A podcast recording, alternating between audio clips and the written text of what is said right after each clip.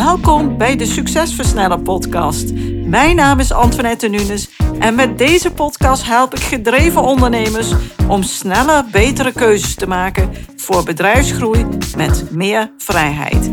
In deze podcast deel ik tips, kennis en heb ik gesprekken met andere succesvolle ondernemers om jouw succes te versnellen, wat zorgt voor meer tijd, meer voldoening en meer winst. Let's go! Vandaag ga ik in gesprek met Richard de Let. Hij volgde de opleiding geneeskunde en wist daarna alles over ziekte en de dood. Maar hij miste het menselijk contact en de kennis over de preventieve geneeskunde. Want ieder mens wil natuurlijk gezond en gelukkig oud worden. Maar hoe voorkom je dat je ziek wordt? Hoe word je gezond en gelukkig oud? Met die vraag in zijn rugzak stopte hij nog voor zijn artsexamen met de kooschappen. Richard ging op ontdekkingsreis om te ontdekken wat een mens nodig heeft om gezond en gelukkig te leven, optimaal te genieten en op een prettige manier oud te kunnen worden. Hij ontdekte dat onze genen de huidige leefomgeving niet begrijpen. Of zoals hij het zelf zegt, we hebben Stone Age genen in een science fiction omgeving. Met die kennis stelde hij een baanbrekend concept op voor optimale gezondheid. Zo ontstond zijn visie om tot meer gezondheid, vitaliteit, geluk en kwaliteit van leven te komen. En hiermee start hij ook zijn eigen business. Inmiddels heeft hij een mooi bedrijf gebouwd en heeft hij een coachopleiding ontwikkeld voor trainers en coaches die deze visie willen delen. Vandaag ga ik met hem in gesprek over zijn passie voor gezond leven en werken en zijn mooie bedrijf. Richard, welkom in de Succesversnellen podcast en leuk dat ik je vandaag persoonlijk kan spreken. Dank je wel. Wil jij nog een aanvulling geven op deze introductie? Nee, uh, het is mooi om te horen. Ik ben er stil van. Het is enorm compleet en, vo en volledig, dus ik heb geen aanvulling. Oké, helemaal goed. En kan je misschien kort nog iets vertellen over waar je ooit vandaan bent gekomen? Waar ben je in Nederland geboren? Hoe is je leven ja. een beetje verlopen? Ja, ik ben 38 eh, lentes jong. Ik ben geboren en getogen in, Bever, in Beverwijk. Uh, op de basisschool had ik al een enorme fascinatie voor uh, dieren. Ik kweekte ook vogels. Dus in groep 8 heb ik ook een spreekbeurt gehouden over dierenarts. Ik mocht ook toen een dag meelopen bij een dierenarts hier in Beverwijk. En ik dacht diergeneeskunde fantastisch. Op de middelbare school verschoof die fascinatie eigenlijk naar een andere fascinerende diersoort, de mensaap, de Homo sapiens. Uh, ook met name omdat mijn, ik had één oma, één opa, uh, die werden beide ziek.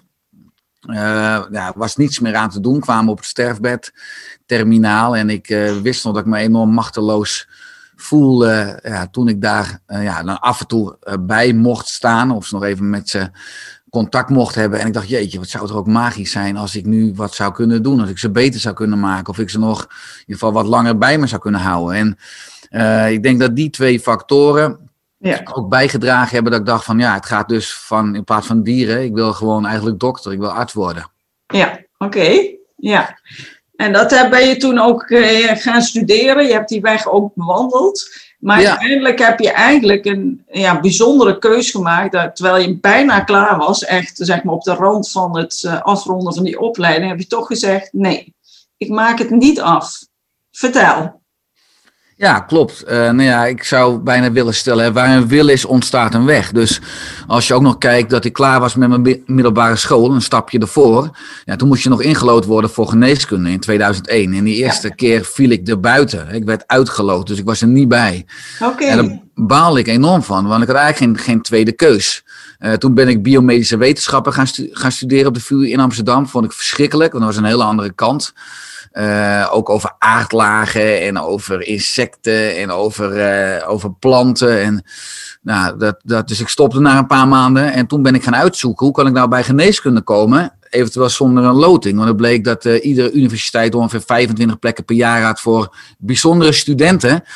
Dus toen ben ik ja, me enorm als mens gaan ontwikkelen. Ik ben, me gaan, ik ben fulltime gaan werken in een verpleeghuis met mensen met Alzheimer. Dus ook met alle zorg, van, van tilliften tot nou, letterlijk tot poepluiers. Enorm, enorm zwaar, ook fysiek, maar ook mentaal. Als je kijkt hoe weinig er van een mens overblijft. Ik ben mijn EHBO-diploma gaan halen. Ik ben EHBO geworden op festivals. Ik ben er allerlei dingen gaan doen waardoor ik me kon laten zien hè, in, de, in de selectierondes. Ongeveer 700 man het jaar erop voor 25 plekken.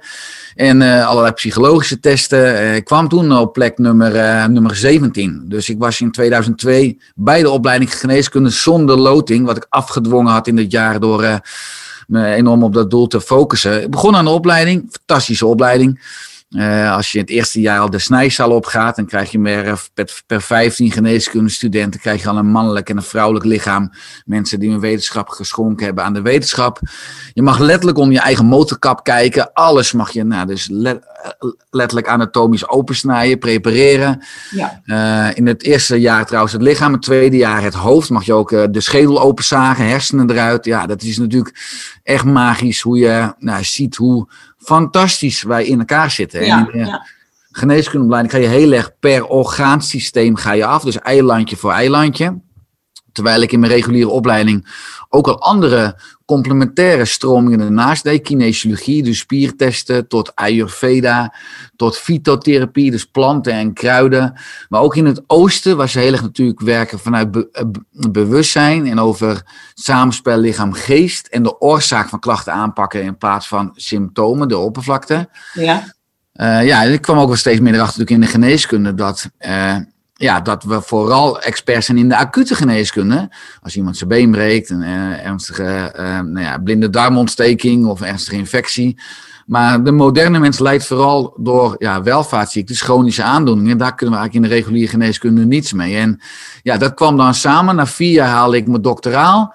Uh, dan, dan, dan, ik, had, ik heb toen nog een half jaar wetenschappelijk onderzoek gedaan in Aalst in België naar de relatie van diabetes op de, de linker ventrikel, dus de linker hartkamer, waar je ook al heel mooi dat holistische samenspel zag.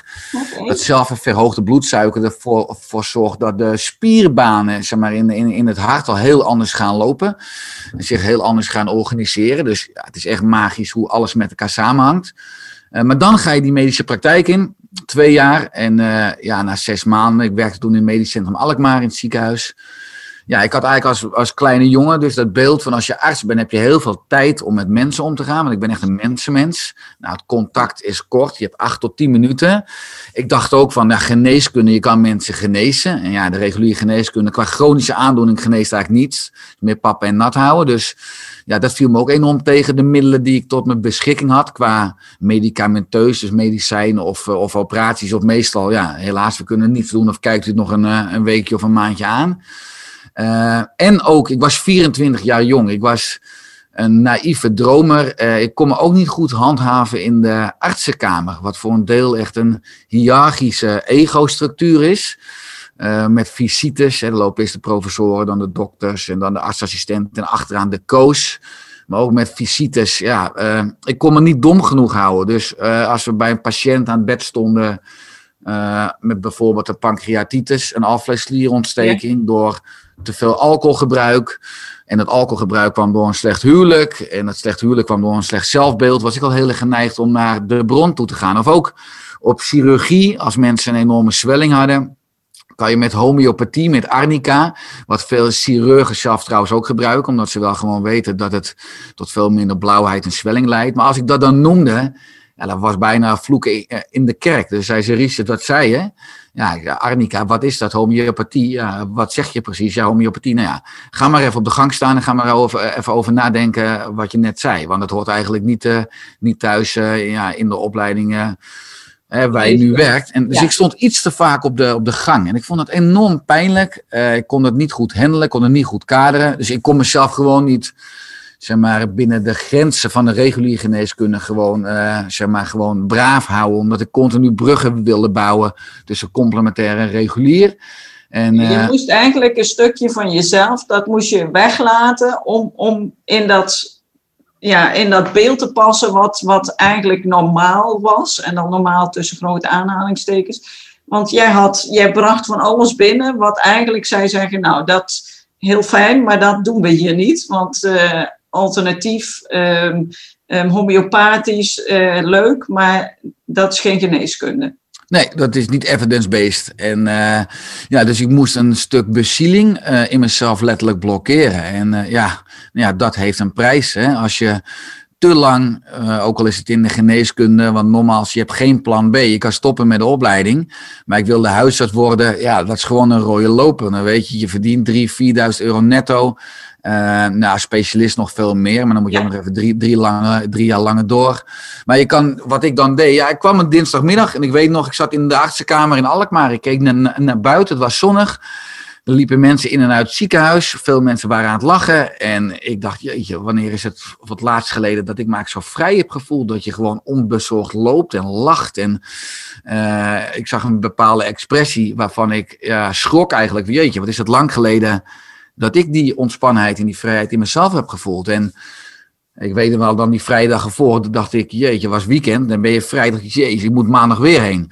Dus ik dacht gewoon, nee, dit is, dit is het leven niet. En uh, nou, het kan alleen maar beter worden. Dus ik, uh, ja, ik heb uh, mijn kluis leeggehaald in de artsenkamer. Ik heb iedereen een hand gegeven. Nou, die zat de raad te kijken natuurlijk. En uh, Richard, wat ga je doen dan? Ja, ik zeg, ik heb geen idee, maar dit is het niet. Ik moest me nog uitschrijven op de vuur in Amsterdam.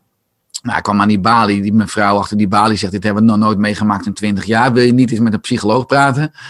Uh, ik zeg, die kan genoeg diagnoses op me plakken, maar ik weet het zeker. Ik, uh, ik ga mijn eigen pad. En, uh... Het was wel helemaal vol zelfvertrouwen van, ik stop. Dat, dat was, was ja. geen twijfel meer. Nou, het klinkt nu wel heel erg vanuit mezelf, maar ik moet zeggen dat mijn vrouw ook een hele belangrijke speler is geweest toen. Want die geloofde misschien al meer in mezelf dan ik zelf. Okay. En die zei ook gewoon, die zag dat ik al de hele tijd niet gelukkig was. Ze zegt, Ries, je moet gewoon springen, je moet gewoon doen en het komt goed. En we woonden eh, op een, uh, ja, op een 12 hoogflat uh, op, op de achtste etage, een huurappartement. Ook in onze opleiding hebben we daar kunnen wonen door huurtoeslag en zorgtoeslag. En dus in die zin hadden we al niet veel en we waren in principe al gelukkig. En ja, mijn vrouw zei ook, wat hebben we nou in, in essentie echt nodig? Ja, elkaar en gewoon vriendschap, liefde. En, maar uiteindelijk is het wel belangrijk dat ik ook een man heb die gelukkig is en die ja. voldoening uit zijn werk haalt. En dat zag ze al een hele tijd dat, dat ik het kwijt was. Dus zij is een belangrijke steun in mijn rug geweest om ook ja, toen die keuze te durven ook, maken. Uh, dat, ze, dat ze zo erin stond. Want ja, heel veel mensen kiezen natuurlijk voor een bepaalde zekerheid. Want ja, die opleiding, net wat je zegt, dat geeft een bepaalde zekerheid.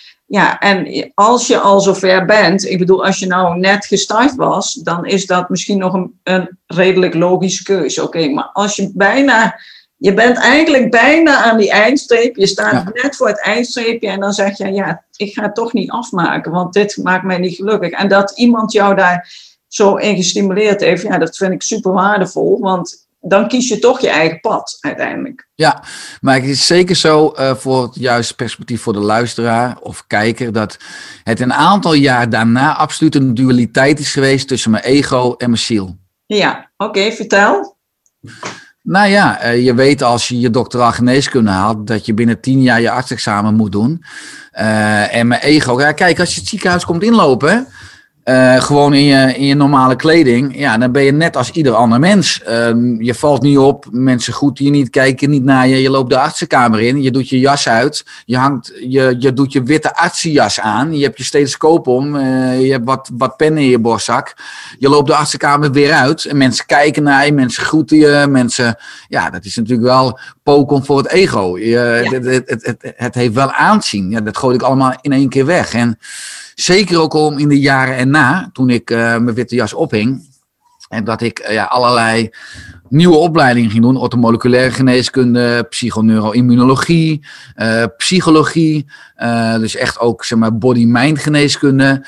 Dat ja. mijn praktijk voor integrale geneeskunde nog voor geen meter liep. Want ja, 2007, 8, 9 was de tijdsgeest nog eventjes iets anders dan nu. Mensen waren nog minder bezig met leefstijl, met voeding, met biologisch, met holistische geneeskunde. Dus ik heb me wel in die jaren ja, een roepende in de woestijn gevoeld. Ik werd in 2010 vader van, uh, van Noah. Ik wilde ook financieel mijn gezin kunnen dragen. Dat kon absoluut niet, want ik had twee, drie klanten per week in mijn praktijk. Ik verhuurde me 50 uur per week aan thuiszorginstellingen voor medische handelingen. Injecteren, zondevoeding, stomazorg. Ja. ja. dus in 2011 kwam ik wel in een soort spirituele crisis. De huisarts noemde het een burn-out. Uh, dat vind ik zelf niet. Ik was wel vrij snel uit. Maar in conflict eigenlijk, omdat ik toen wel dacht, het is mislukt. Hè? Wat ben je nou een sukkel? Waarom moest je nou zo eigenwijs zijn en je eigen pad gaan? Want uh, ja, het was fi financieel echt, uh, echt sabbelen. Uh, ja, alle, alle spaargeld al aangesproken. Huisartsen wilden niet met me samenwerken. Ik kreeg nooit antwoord. Normaal twee klanten per week in mijn praktijk. Waarvan ik in 2007, 8, 9, 10 continu hoopte. Het wordt volgend jaar beter. Het wordt, heus wel heus zal het kantelpunt komen. Ja. Ja, totdat ik in 2011 wel dacht van, uh, ja, heb ik niet de verkeerde keuze gemaakt. Maar ook werd ik daarin echt geconfronteerd met mijn eigen angsten, onzekerheden. Want ik ben altijd als kind zijn eh, een stotteraar geweest. Ik kon nooit vloeiend praten. Ik ben, ik heb, ben een enorme pleaser geworden als, als mechanisme om erkenning te krijgen van de wereld. Dus ik heb niet echt mijn eigen stem en mijn eigen mening durven ontwikkelen. Omdat ik me altijd aansloot bij de mening van anderen. Dat was mijn veiligheid.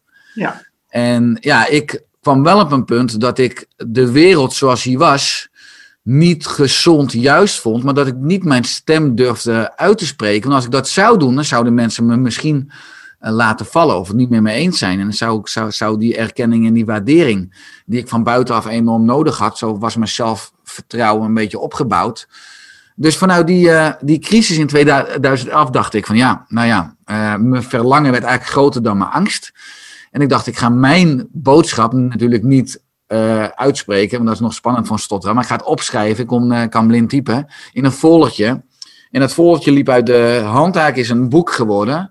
En dat boek dan 12 juni 2012, Oersterk. En dat werd vrij snel een bestseller. En dat is absoluut het, uh, het kantelpunt geweest ja. in, mijn, in mijn leven. Dus eigenlijk, je, je, je was op een kantelpunt in de zin van dat je denkt, ja, ik, wat loop ik te doen? Ik doe wel een hoop en ik volg mijn hart, maar ja, hier word ik ook niet gelukkig van, want financieel was het natuurlijk een beetje zorgwekkend. En uh, ja, je had uiteindelijk gekozen om die opleiding van geneeskunde dan niet af te ronden. Dus toen kwam die twijfel van, uh, had ik dat misschien toch niet beter wel kunnen doen?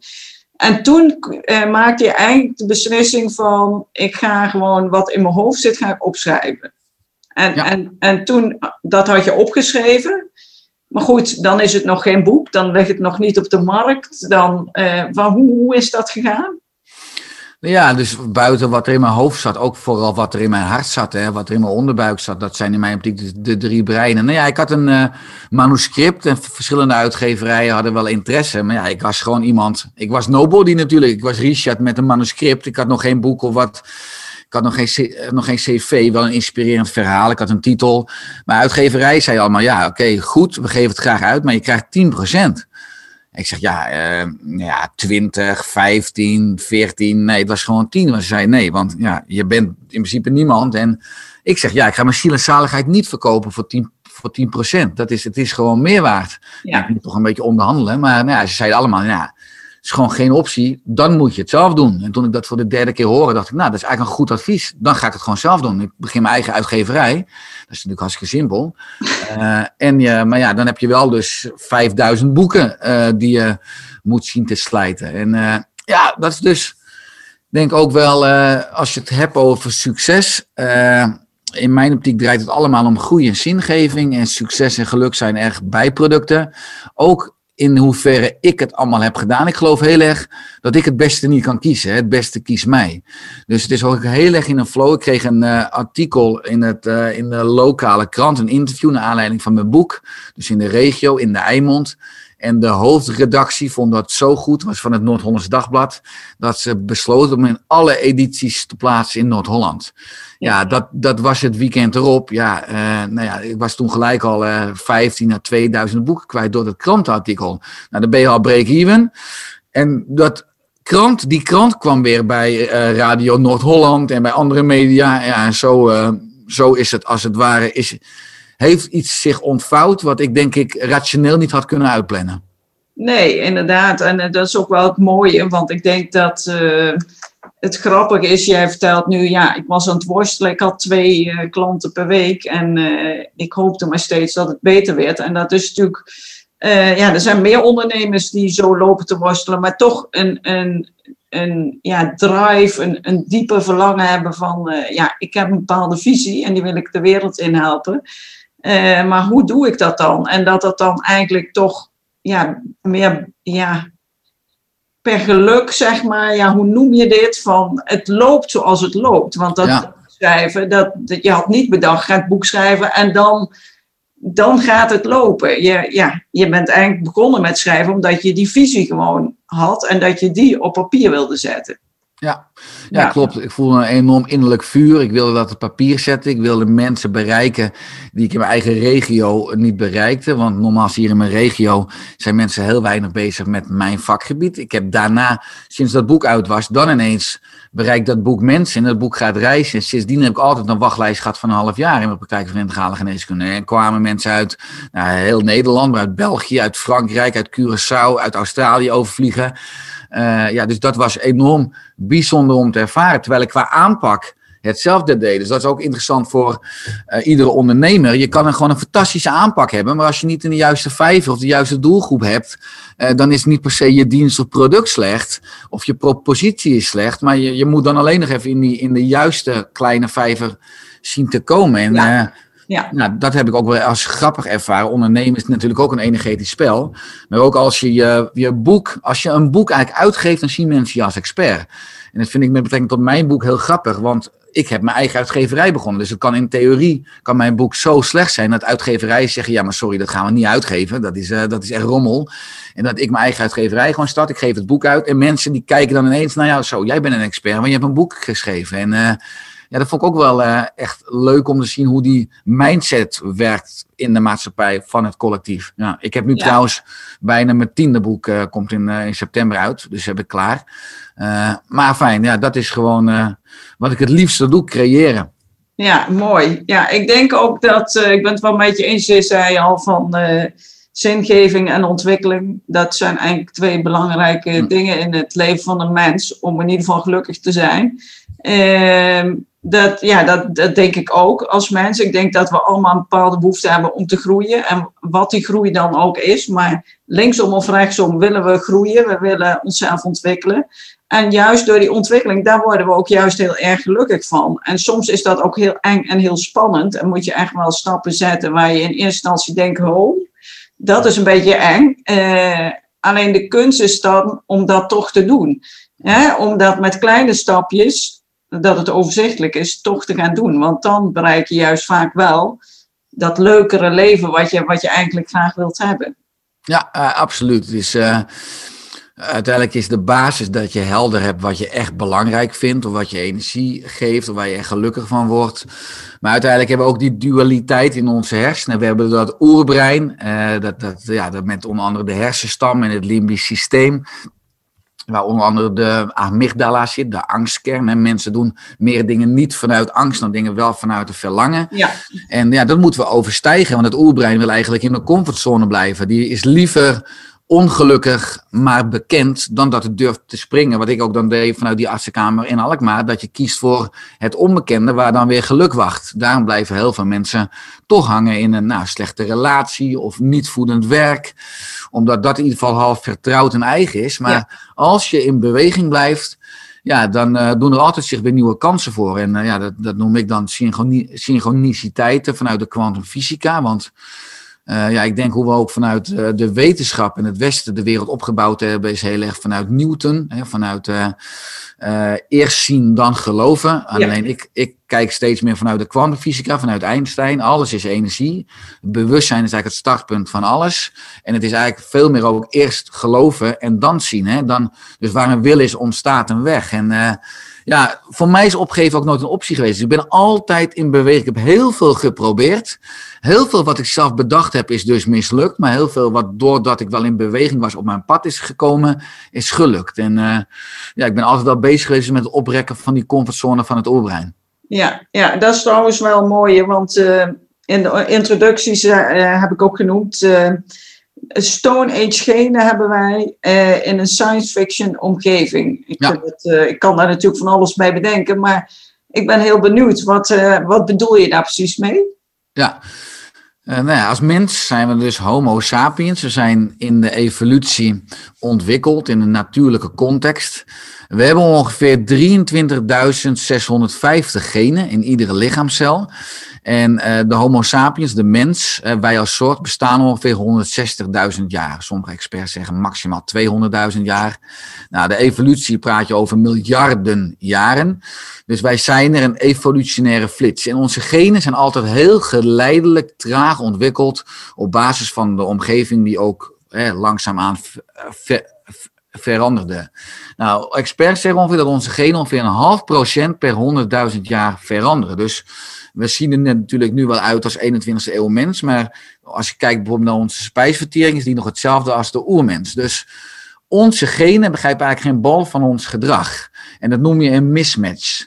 En als je continu, eigenlijk de moderne mens pleegt zelfmoord in slow motion, stopt iedere dag de verkeerde dingen in zijn mond qua eten en drinken, zit iedere dag te veel uren op zijn gat, hè, waar onze genen geen bal van snappen, hangt iedere dag te veel aan schermpjes, als je het hebt over overprikkeling. Ja. Nou, daar zijn we niet eigenlijk tegen beschermd, hè, omdat die uh, die factoren, die omstandigheden nooit in de evolutie aanwezig waren. Dus we hebben nooit ons daaraan hoeven aanpassen uh, vanuit onze genen of vanuit een hersendeel hè, die ons daartegen beschermt. We zijn wel beschermd tegen schaarste. Dus we hebben een voorkeur voor eten. Uh, we hebben eigenlijk ook een instinct voor luis zijn, voor energie sparen. We moesten altijd minimaal met onze energie omgaan, wat ook een nadeel is geworden nu met comfort.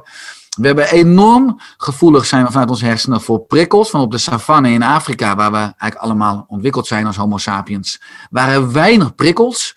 Maar de prikkels die er waren, dat kon een roofdier zijn of kon een rotsblok, een berg afrollen. Dus we moesten heel adequaat reageren. Ja. En die instincten, wat absoluut een voordeel is, die ons in 2021 gebracht hebben, die keren zich nu tegen ons, omdat allerlei industrieën die instincten gekaapt hebben. Dus de voedingsindustrie, hè, die, die verleidt ons de hele dag met bewerkte koolhydraten.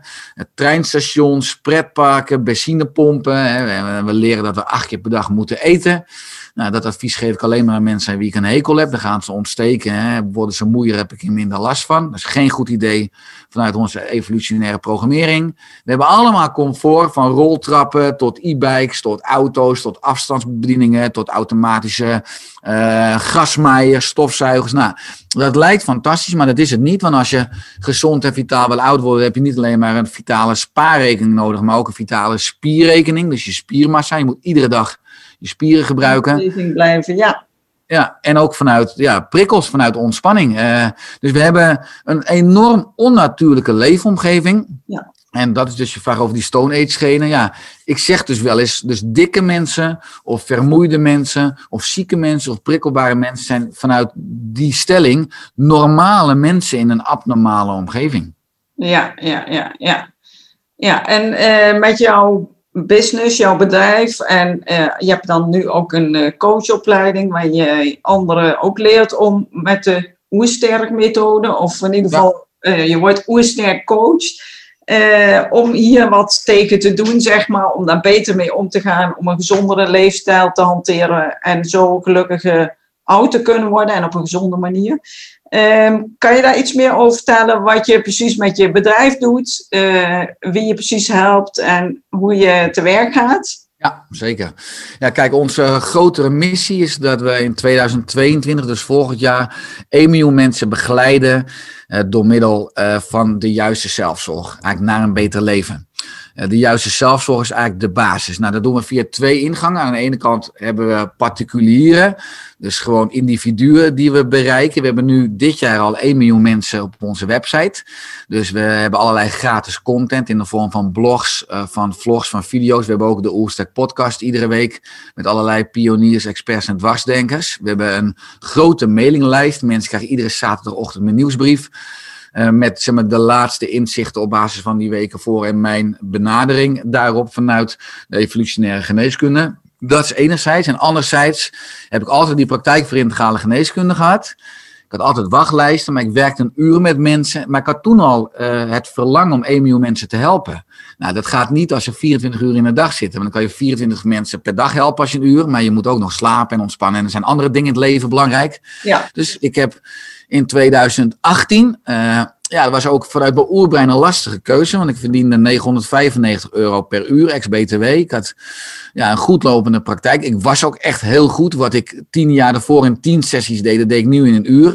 Ik heb 4000 patiënten één op één mogen, mogen begeleiden. Van babytjes tot 100-jarigen. Veel mensen waren daarvan chronisch ziek.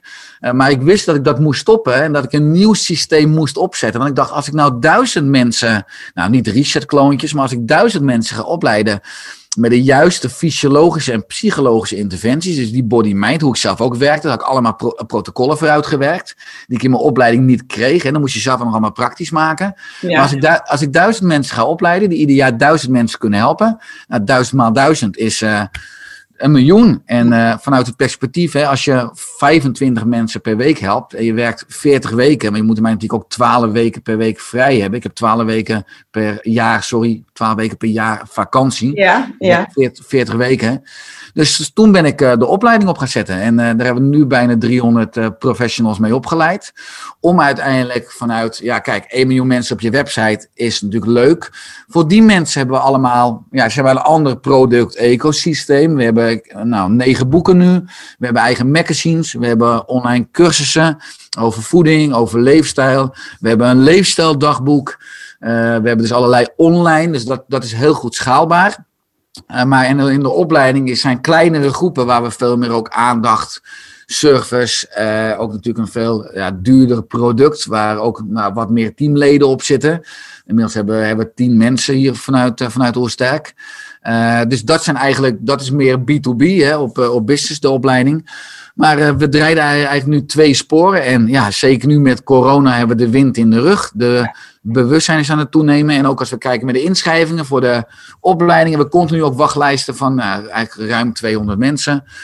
Professionals, uh, onze andere diensten uh, draaien allemaal door. Dus uh, ja, ik ben echt een, een, rijk en dankbaar mens dat ik, ja, ik voel me zo doorgeefluik van iets wat veel belangrijker is. Ik vind het een groot gemis dat we ook in de geneeskundeopleiding, maar op de middelbare school, op de basisschool, niet leren hoe ons lichaam, hoe onze geest werkt. En ja, je moet zelf op zoek gaan. Ik ben enorm blij en dankbaar dat ik met een fantastisch team vanuit Oersterk, Nederland, België, maar hopelijk ook zo de wereld uh, gewoon een stuk beter kan maken.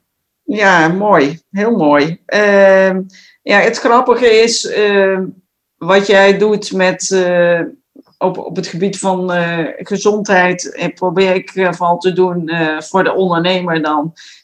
Word bewuster van je tijd en je gedrag. Ja, je tijd is je leven. Zo simpel is het gewoon. Um, en zorg dat je die tijd dat je, die, dat je er bent, je bedrijf kan inzetten om ja, een bepaalde vrijheid te hebben in je leven. Want ja, je bent meestal begonnen als ondernemer omdat je ook een beetje je eigen keuzes wilde maken en een leuk leven wilde hebben. Maar ja, in de praktijk is het vaak dat dat bedrijf begint te groeien en je daardoor een soort slachtoffer wordt van, van dat bedrijf. Uh, dus dat vind ik heel mooi. En uh, hoe zorg jij ervoor dat je die balans houdt in jouw werk? Want je bedrijf is groter geworden, dat is toegenomen en dus ook drukker geworden. Maar je wilt ook je, je balans houden. Je zei al, ik wil twaalf weken per week, of eh, sorry, per jaar vakantie houden. Dat, uh, dat plan ik gewoon van tevoren in. Maar wat doe je nog meer om die balans te bewaren? Ja, kijk, voor heel veel mensen is een bedrijf of een goed lopend bedrijf of een succesvol bedrijf een doel geworden. En ze offeren hun leven op. Ze zijn altijd aan het werken. En dan is je leven een middel geworden voor een verkeerd doel. Hè? Een succesvol bedrijf. Ja. In mijn optiek is het doel een bezield leven. En het middel is ook je bedrijf. Uh, nou ja, ik moet zeggen dat ik dus ook ervaren heb, zeg maar, hoe het is als je dus verkeerd doet, die eerste jaren. Toen werkte ik ook dag en nacht. Oh, je moet natuurlijk soms ook gewoon echt hard werken om iets op te bouwen.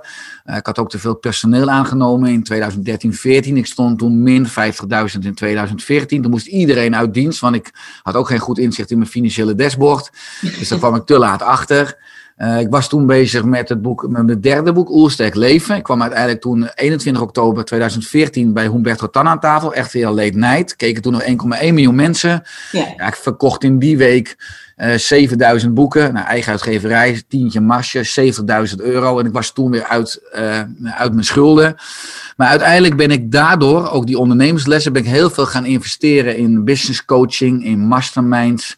En ja, ik heb het nu, ja, dus ik heb een extreme focus. Ik zeg extreem vaak nee en bijna nooit meer ja. In het begin van een paar jaar geleden zei ik altijd ja, want dat is een beetje een valkuil, wat veel mensen zullen herkennen. Ik vind alles leuk en ik doe alles graag.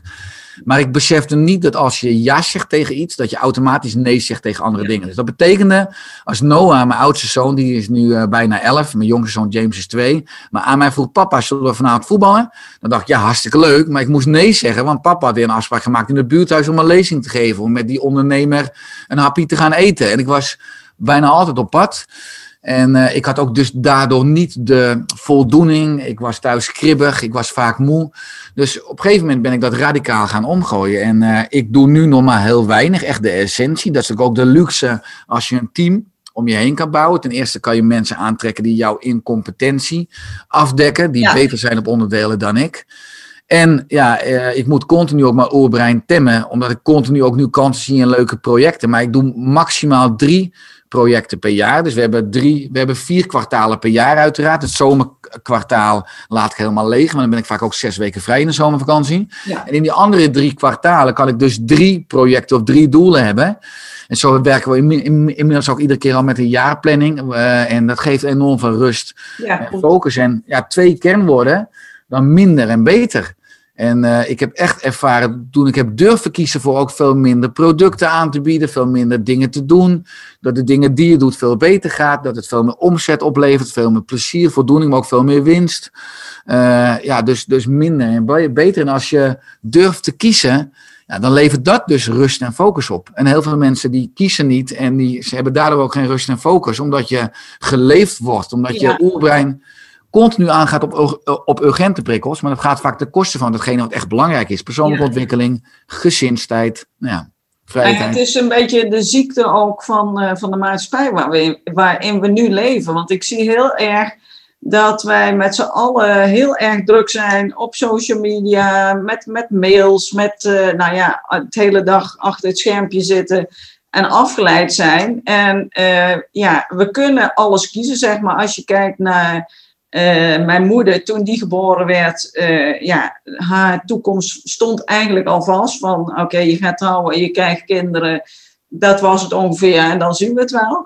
En wij komen al uit een tijd dat, en, dat is alleen maar meer geworden. Uh, ik, kom, ik ben dan nog een stukje ouder dan jij, maar ik kom al uit een tijd. Ik, kan ik kon altijd al alles kiezen. Ik kon studeren, ik kon sporten, ik kon wel of niet trouwen, ik kon wel of geen kinderen krijgen. Ik, ik kon, alles kan. Ik kan. Ik kan alles kiezen wat ik wil. En dat maakt ook dat wij als mens gewoon. En we willen ook alles. Want het is allemaal leuk en het is allemaal gezellig en het is allemaal interessant. En en juist, inderdaad, daar ben ik ook wel van overtuigd, dat kiezen zorgt ook heel erg voor rust en ook dat geluksgevoel. Want als je echt gaat kiezen van wat is dan echt belangrijk, maar dat zijn we vaak al kwijt. Hè? Wat is nu echt belangrijk? Dat, dat is vaak al heel moeilijk. En wat jij net ook zei, ja, dat kiezen, dat is echt wel een key element wat heel belangrijk is in deze tijd. Want we kiezen niet, want ja, we zijn bang om wat te missen. Hè? Dat weten we ook allemaal. Dat is ook het, het brein van uh, ja, straks missen we iets. Dan hebben wij ergens nee tegen gezegd. Maar ja, met het besef dat je vandaag of nu kunt kiezen, maar eigenlijk over vijf minuten weer, maakt dat je best wel ergens nee tegen kunt zeggen. Want uh, vaak als je het niet ziet, dan merk je pas dat je het ook niet mist. Maar als het nog in je beeld is, dan denk je ook van, oh, ik wil het niet missen. Dus dat kiezen is denk ik wel een heel belangrijk punt in, in deze tijd. Om meer vrijheid te krijgen, om meer balans te krijgen. En inderdaad een goede focus aan te brengen. Want focus is natuurlijk ook gewoon kiezen. Ja, ja, ik zou willen zeggen, het oerbrein wil alles en wil heel veel, terwijl de ziel in essentie heel weinig nodig heeft. En kijk, oersterk staat voor de O van ontspanning, de E van eten, de R van regelmatige beweging en sterk is van mindset en zingeving. En als je ook kijkt naar ontspanning, wat in mijn optiek de belangrijkste leefstijlpijler is. In 1900, want je hebt het over je moeder, sliep de mens nog 9 à 10 uur gemiddeld per uur. Nou, in 2000 was dat al Uh, sorry, per nacht. Ja, heel scherp. 9 à 10 uur. Ja, dat zou knap zijn per uur. Per nacht, dankjewel. En in 2000 was dat gemiddeld 7 uur. En nu is het een derde slaapt al minder dan 6 uur. Dus we hebben steeds meer dag nodig. En we drukken de nacht weg.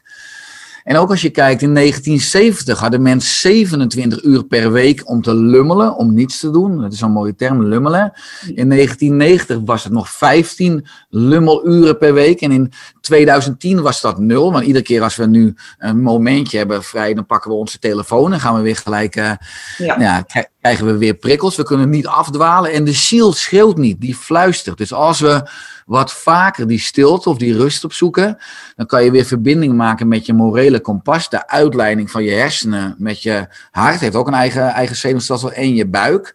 En dan krijg je het goede antwoord. En dan heb je, heb je de mens helemaal niets of heel weinig in de basis nodig. Maar het oerbrein, wat dominant is als je chronische stress hebt, ja, dat wil alles en dat wil meer en dat vergelijkt. En het is nooit goed genoeg. En het is ook egocentrisch. Ik eerst en dan de rest. En ja, dat zorgt er eerder voor dat we beesten worden, dat we een stap terug doen in de evolutie, dan dat we liefdevolle, empathische wezens zijn. Want dat, dat is volwaardig mens. En daarvoor heb je die rust en die ja, en, en die stilte nodig. De basis is uh, in mijn idee, wij zijn liefdevolle wezens. Maar inderdaad, dat ego, dat, dat, dat oerbrein ook, dat neemt de overhand. En zeker als je dan kijkt van op social media bijvoorbeeld, ja, daar zijn mensen constant aan vergelijken. Ja. En, en, en al die filters en al, alles wat er wordt gepost, het mooiste, het leukste, het beste ja, dat, dat is een beetje de maatschappij waarin we leven, maar daar moeten we dan van loskomen. En dat is natuurlijk best een hele uitdaging. Klopt, ik ben nu bezig met mijn tiende boek. De werktitel is De Zeven Spirituele Wetten van Gezondheid. Ik ben deze week hoofdstuk 4 aan het schrijven. En de titel van hoofdstuk 4 is Vergelijk je nooit met anderen. Okay. Ik ligt helemaal toe vanuit de natuurwetten waarom dat zo toxisch is. En waarom dat ook verschrikkelijk onlogisch is. Want de enige referentie die je moet hebben is je vergelijken met je hoogste waarde. En je vergelijken met waar je een maand of jaar geleden stond en waar je over een jaar heen wil. Dus je enige referentie moet jezelf zijn. Gebruik een ander als inspiratie maar eigenlijk als je al op social media scrolt vanuit het perspectief van vergelijking, dan kan je, nou het beste kan je gewoon gelijk van social media afgaan. Want dan heeft het een enorm negatief effect op je persoonlijke ontwikkeling en uiteindelijk ook op, op de kans om succesvol te worden, want het is een rem. Ja, en, en ongelukkig te zijn, inderdaad. Ja. En eh, die zeven spirituele wetten van gezondheid, dat is een beetje hetzelfde als uh, de zeven spirituele, wetten van Deepak Chopra. Een beetje dat idee. Ja, nou ja, ik voel mezelf wel een beetje. Ik denk, ja, kan ik me wel in dat rijtje scharen? Maar die, maar die titel kwam in mijn hoofd op van het boek en hij bestaat nog niet. Uh, in 2009 zat ik trouwens al in de zaal bij Deepak Chopra. In 2010 zat ik al in de zaal bij Eckhart Tolle.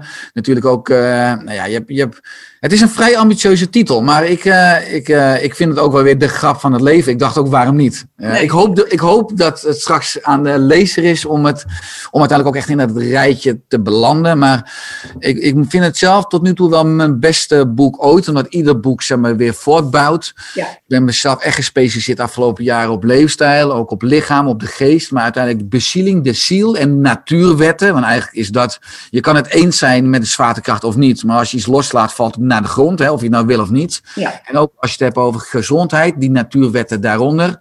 Ja, die heb ik afgelopen jaren ontrafeld. En uh, ja, ik, ik ben er zelf enorm enthousiast over. Ja. Nou, super interessant. En ik ben heel benieuwd uh, naar je boek. Wanneer denk je dat, het, uh, dat je het klaar gaat hebben? Ja, de verwachting is dat het moet 30 juni gaat het naar de opmaker. Dus eind augustus gaat het naar de Nee, we moeten zeggen, 30 juni gaat het naar de opmaker. Dus eind juli gaat het naar de drukker. En ik verwacht in augustus, eind augustus, dat de vrachtwagen weer komt voorrijden. Dat is altijd magisch, dat je zo'n doos open doet en dan heb je het boek. Wat je al in eh, veel keer in, op je scherm hebt langs zien komen qua scroll, heb je dan in je handen. Dus ik verwacht dat we begin of half september in theorie, zeg maar, dat de, eh, de verkoop... Nou, de voorverkoop start in augustus, denk ik. Maar de dat het boek zeg maar, in september op de deurmat bij mensen belandt. Ja, nou, hartstikke mooi. Dat, uh, dat is vrij snel en de tijd gaat snel. Dus uh, ja. over vier maanden dan, uh, dan mogen we het boek ja. kunnen verwachten. Nou, hartstikke goed. En heb je nog andere ambities voor de toekomst? Iets waar je, wat je graag wilt delen? Nou, ik heb met Oersterk zijn we natuurlijk sterk doorontwikkeld. Er kwam verleden jaar het idee van wat ik al jaren had, maar nooit durfde, om ook zeg maar, uh, de, juiste supplementen in, een, in, in één concept aan te reiken. Ik heb in mijn praktijk voor integrale geneeskunde al die jaren met alle aanmerken gewerkt, maar het zijn allemaal losse potjes. En je ziet dat mensen een slechte therapietrouw hebben. Dus iedere dag haast of geen tijd. Of die potjes, ene potje 60 of 30. Dus verleden jaar ben ik een tweede bedrijf gestart, Vitali. Uh, iedere dag vitaler. Uh, en uh, ja, inmiddels hebben we net de vierde aangenomen. In Vitali is ook aan het groeien. En dat, dat is ook een bedrijf met een, ook een enorm internationaal potentieel. Hè? Omdat we hebben ook al vitali.com. Uh, en ik weet niet aan de ene kant of ik daar goed in ben, of er echt gelukkig van ga worden als we ook internationaal gaan schalen. Ook met Oersterk wil ik 2022 eigenlijk ook het boek in Engels vertalen, in onze online cursus in het Engels om gaan zitten. Ik wil dan ook mijn podcast uh, met grote Engelstalige of Amerikaanse gasten wil ik de switch maken. Dus ja, ik denk dat volgend jaar, dan bestaan we tien jaar, dan is, staat de boel enorm stabiel. Dat ik ook voor een deel ja, mezelf op, op Engelstalig wat wil uitdagen en ontwikkelen. Wat mijn oerbrein gewoon zegt, ja gast, je bent helemaal gek. Hè? Waarom zou je het doen? Het, het gaat er goed zijn. Het, het, het gaat er goed zo. Maar ook wel vanuit de missie dat ik de aarde gewoon vitale wil doorgeven aan mijn twee zoons en aan de volgende generatie. En ja, dat is ook wel weer iets waarvan het gaat kriebelen. Omdat het gaat nu gewoon heel goed. Ik ben ook niet meer bezig met groei of tenminste qua bedrijf of maximalisatie. Ik vind ook de groei in de economie ook zo'n soort tumor. Het moet altijd maar meer, meer, meer. Ik probeer heel erg aan te sluiten op uh, ook geluk en succes en gezondheid en gewoon natuurlijke ecosystemen. Ik ben nu bezig met optimalisatie. Dus dingen optimaliseren. Maar als ik kijk nu naar 2020, eh, omzet, winst, team. Als ik dat dit jaar weer mag hebben en volgend jaar, dan ben ik een enorm rijk, gelukkig mens. Dus ik hoef niet per se meer te groeien qua team en qua. Ik ga dus niet de ambitie doen om 5 miljoen mensen te bereiken. 1 miljoen, prima. Ja, je hebt, uh, je hebt wel, wel groeiambities in de zin van uh, ontwikkeling en wellicht internationaal. Ja. Uh, wat ook spannend is, wat je zegt, van mijn oerbrein denkt dan ook, ja, waarom. Het is goed zo. En, uh, maar toch inderdaad die diepere ambitie die er is van, ja, ik heb een bepaalde visie. En als dat, dat hoeft niet alleen in Nederland. Het zou, hoe mooi zou het zijn wereldwijd, zodat we met z'n allen gezonder kunnen worden en uh, gezondere leefstijl kunnen hanteren, waardoor we gelukkiger als mens worden. Nou, dat is wel heel goed inderdaad om iets na te laten in deze wereld. Dus ik denk dat dat een hele mooie ambitie is die je zeker moet uh, navolgen. Maar inderdaad, dat wil niet zeggen dat het in je bedrijf altijd meer en meer en meer moet zijn, maar juist gewoon wel op een goede manier kunnen groeien of stabiliseren of optimaliseren. Dat, dat is natuurlijk ook perfect. Ja, nee, inderdaad. Ik wil gewoon mijn grote ambitie is een gezondheidsvirus verspreiden. Daar heeft de wereld natuurlijk meer behoefte aan dan ooit. En enerzijds wil ik ook steeds meer binnen Oersterk uh, ook echt mijn gedachtegoed verspreiden. Dus eigenlijk horen wij ook niet acht uur per dag te werken achter een bureau. We, we hebben ook allemaal standing desk. Ik wil straks ook naar een zes uurige werkdag eigenlijk in 2022. Dat zou ook gewoon heel mooi zijn, want er is zoveel meer buiten werk. En ja. als je de essentie gewoon wel doet op het werk, en ook, maar er is ook zo'n belangrijke essentie nog in andere domeinen van het leven. Spiritueel, seksueel, sociaal, financieel, maar ook mentaal, emotioneel. Ja, ja dat is... Uh, ja. Al die gebieden die, uh, ja, die moeten in mijn, in mijn optiek moet ook gevoed worden om vo volledig mens te kunnen zijn. Ja. Nou, heel mooi. Dan heb ik nog één laatste vraag uh, voordat we afsluiten. Is, uh, heb je nog een tip voor de ondernemer, de MKB-ondernemer die naar dit interview luistert, dit gesprek? En die zeggen, nou, uh, wat, is, wat zou jij een ondernemer als tip mee, willen geven van al, je ervaring die je al gedeeld hebt en alle tips die je ook al vandaag weer gedeeld hebt. Maar wat zou je iemand nog mee willen geven? Ja, de basis is gewoon, uh, wat is uh, je doel? Hè? Wat is je doel als ondernemer? Uh, wat wil je bijdragen aan de wereld? Of wat is je doel aankomend jaar of aankomend kwartaal of aankomende week of vandaag? Dus heel erg begin iedere dag ook schrijf ik mijn doel op, hè, want anders word ik geleefd. En dan heb ik een hele drukke dag gehad, maar ik denk ik ben niet toegekomen aan wat ik echt wilde, wat ik belangrijk vind. Dus wat is je doel? En ook als ik kijk naar agenda's van ondernemers. Ik zeg vaak als ze een papieragenda hebben of op een uh, smartphone, makker eens inkijken. Dan zie je allemaal activiteiten die gerelateerd zijn aan inspanning, die energie vragen, kosten. Dus ik draai het om, plan nou eerst je ontspanning in. Plan al die activiteiten in waar je energie van krijgt. Van je vakanties tot je vrije dagen, tot je persoonlijke ontwikkeling, tot je, je, je, je saunaavonden. Of, maar ga ontspanning in je agenda inplannen. Want als je dat dus al veilig stelt, dan is de kans veel groter dat je die rust en die focus hebt. En als je gewoon ook nog opnieuw benieuwd bent, bijvoorbeeld naar de feedback van je lichaam. Ik zie mezelf als een soort tolk van het lichaam. Ook in mijn vak, dan uh, zou je een gezondheidschecks kunnen doen. We hebben vanuit Oersterk het gezondheidspaspoort ontwikkeld. En uh, bij de mensen die die we opleidingen kan je dus een gezondheids-APK doen. Dan krijg je helemaal op maat van bloedonderzoek tot met spiertesten.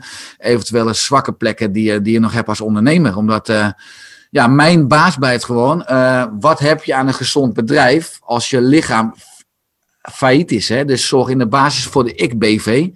En dan kan je pas goed voor je bedrijf zorgen. Dus uh, we hebben nu net vers van de pers het uh, gezondheidspaspoort ontwikkeld. Ja, wat ook actueel is nu, maar vanuit zeg maar de leefstijlgeneeskunde. Wat mensen kunnen afnemen bij een oersterk trainer of coach.